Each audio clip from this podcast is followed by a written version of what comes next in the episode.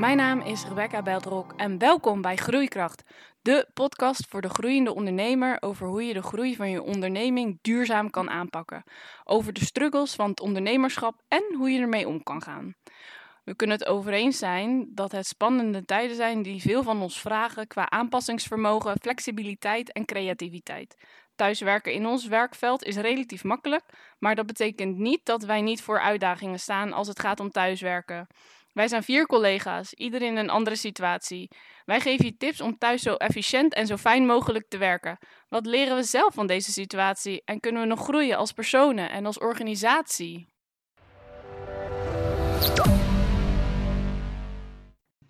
Vandaag schuift Niels aan onze digitale tafel. Niels, jij zit in Brabant. Dat was het epicentrum van het coronavirus voor het verder om zich heen greep. Hoe is de situatie nu bij jou? Ja, goedemiddag uh, Rebecca. Uh, ja, de situatie hier is al een aantal weken, weken uh, hetzelfde. iedereen probeert zoveel mogelijk thuis te werken natuurlijk het uh, eh, RIVM eh, de richtlijnen te hanteren. Het lekkere weer zorgt er natuurlijk wel voor dat uh, de kinderen lekker buiten veel op straat zijn, veel aan het spelen zijn. Dus dat zie je wel. Maar verder is het overal een stuk rustiger dan we gewend waren. maar het is wel, wel, wel, toch wel wat drukker als de afgelopen weken. En je ziet dat mensen toch wel iets meer erop uit willen gaan af en toe. Ja, want jij bent zelf ook een sociaal dier en ook voor je werk ben je heel veel in gesprek met mensen. Hoe combineer je het advies van de overheid om thuis te blijven met de vele contactmomenten die je normaal hebt? Ja, daar probeer je je eigen weg wel, uh, wel in te vinden. In het begin was echt alles online en werd er vooral heel veel uitgesteld en geannuleerd qua afspraken, ja. qua bijeenkomsten. Zo, ik ben ook uh, raadslid in, in Alpha en er werden heel veel bijeenkomsten werden afge, afgelast. Uh, de weken daarna zag je dat langzaam steeds meer naar online ging plaatsvinden. Mensen vonden het logisch dat, we, dat er vergaderd werden, uh, online vergaderd werd, dat er online overlegd werd, dat er veel gebeld werd. Toen begon dat langzaamaan weer te lopen. Je ziet ook dat enkele fysieke bijeenkomsten in heel kleine uh, groepjes met uh, hele strikte voorwaarden, dat dat ook langzaamaan wel weer vorm begint te krijgen. Maar het is ja, voornamelijk allemaal wordt het online gedaan en iedereen, iedereen ziet daar nou wel, ziet ook wel in dat dat toch de komende weken slash maanden ja. wel zal moeten gebeuren. Zie je ook dat mensen er meer gewend aan raken vergeleken met een paar weken geleden? Ja, zeker. Hè. Dus uh, wij als, uh, als organisatie met Adapt Innovatie waren natuurlijk al, uh, al heel erg ingericht op digitaal werken. Mm -hmm. dus we, ja, we hadden bijvoorbeeld al Office 365 met Microsoft Teams. Maar voor mensen waar dat compleet nieuw was, was het in het begin nog heel erg wennen. Of zag je dat dat nog heel veel misging. En nu zijn mensen daar veel meer al aan gewend. En zijn mensen ook in beeld als ze aan het videobellen zijn. In plaats van dat je een stukje van het plafond ziet. Of nou ja, dat was in het begin problematisch. Je kijkt niet meer in mensen hun neusgaten. Nee, inderdaad. Ze zitten niet meer op in de webcam. Uh, Of ze hebben heel slecht geluid. Of ze staan constant op mute omdat ze niet weten hoe ze hun, hun microfoon aan moeten zetten. Of dat. En ze snappen ook dat je even een rustig plekje moet pakken. Ergens als je gaat videobellen in plaats van midden in de woonkamer. Als je drie skaterende, skatende kinderen hebt die door de huiskamer razen, dat dat niet werkt. En hoe heb jij je huis ingericht om thuis te werken? effectief thuis te werken? Effectief eh, thuiswerken. Nou, ik, eh, ik was al uh, in de gelukkige situatie dat ik een, een eigen kantoortje boven in huis had en heb, waar ik rustig mijn werkplek heb. Dus daar maak ik nu ook volop, volop gebruik van. Um, nou, ik, ik, woon sowieso alleen, dus dat maakt het al wat, wat, minder, wat minder lastig met, met andere mensen in huis qua geluidsoverlast of wat dan ook. Ik heb, ik heb gewoon een lekker kantoor waar ik rustig kan werken. Ja. Waar ik in principe ook geen, geen last heb van, van andere, andere mensen of mensen van mij als ik moet videobellen of veel moet bellen sowieso. Of ja. rustig moet werken überhaupt. Ja, maar mis je het sociale aspect van werken dan niet? Of heb je het nu anders ingericht? Ja, zeker. Hè. Je probeert, uh, probeert natuurlijk wel op meer en op andere manieren contact met je collega's en met, uh, met andere ondernemers te hebben. Maar dat, ja, dat staat in geen verhouding met, ja, met het sociale aspect wat je normaal gesproken hebt. Mm. Um, en ja, dat, dat gaat verder dan alleen maar ook, ook overlegmomenten die je gewoon face-to-face en fysiek hebt. Maar ook uh, de kopjes koffie die je bij de koffiezetautomaat hebt. Ja. Ja, of gewoon de, de koetjes en kalfjes praten die je normaal hebt. Dat is er op deze momenten soms wat lastiger in te houden dan dat je dat normaal had. Ja, en welke tips geef je aan mensen in dezelfde situatie? Dus mensen die echt alleen wonen? Um, nou, ik denk dat het is, ja, je moet natuurlijk je realiseren dat dit, dit het nieuwe normaal is de komende periode. En, en, en daar moet je je, draai in proberen te vinden. Dus eh, zeker als je normaal wel veel, heel veel sociale contacten buiten de deur hebt, nou ja, probeer die dan, eh, probeer die dan als het ware eh, naar binnen te halen en dan gedeeltelijk online naar binnen te halen dus uh, iedereen kent nu al de, de Zooms, de Microsoft Teams, om uh, ook een uh, vrijdagmiddagborreltje mee te organiseren. Maar ja, neem ook gewoon de tijd om mensen even een belletje te geven. Of ja, er zijn heel veel verschillende manieren ook om het sociale aspect naar, naar binnen te halen. Dus dat is een, een belangrijke. En de andere is ook wel, denk ik, als je alleen bent, om ook wel te zorgen dat je zelf gewoon je standaard werkritme behoudt. dus dat is ja, als je kinderen hebt, is dat natuurlijk ook belangrijk. Eh, om, om die kinderen dat ritme van school, van ja. Spelen te, te geven. Maar ook als je zelf, uh, zelf aan het werk gaat, is dat ook gewoon belangrijk. Dat je gewoon je, ritme houdt. En op die manier je werkdag probeert te delen. Ja.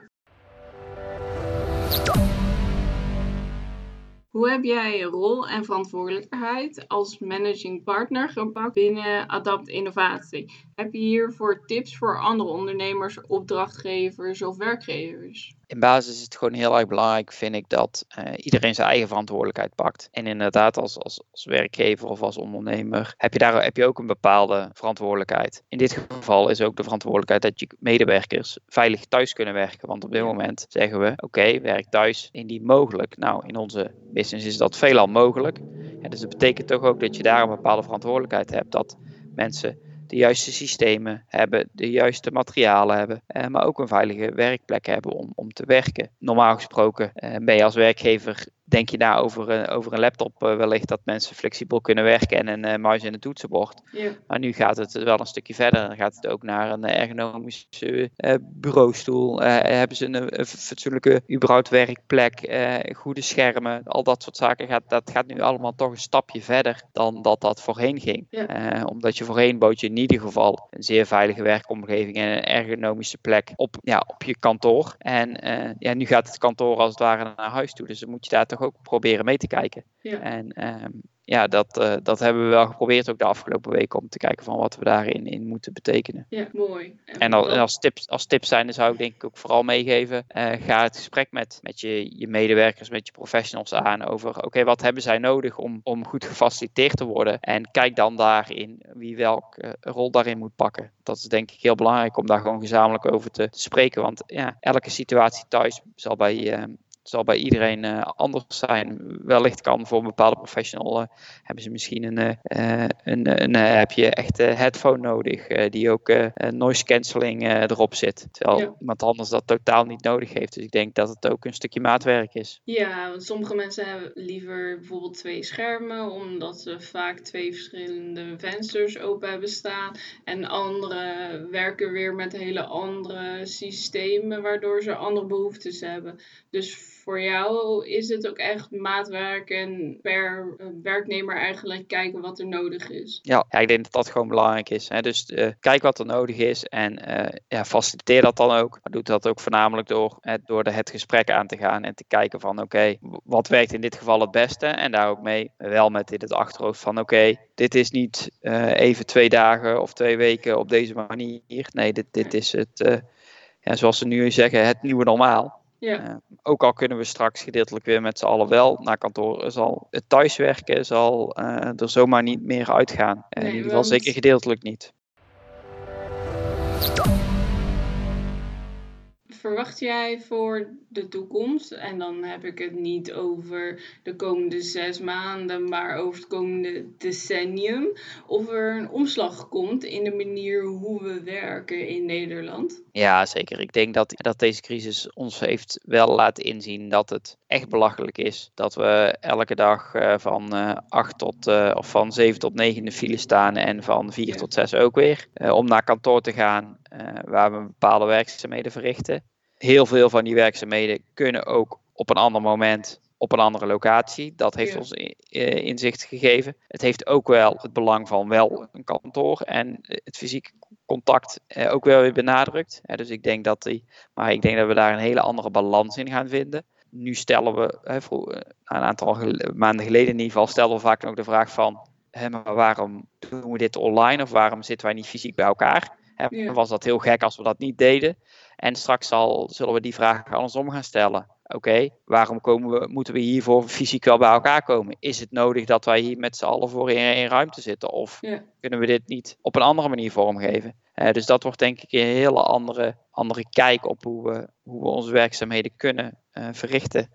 En ik denk dat ook een, uh, een ander ander stuk zal zijn, is dat we de waardering van, van onze, de manier waarop we onze werkzaamheden kunnen doen en de manier waarop met wie we dat samen doen, dat daar ook wel anders naartoe gekeken gaat worden. Ja, mooi. Nou, ik ben benieuwd.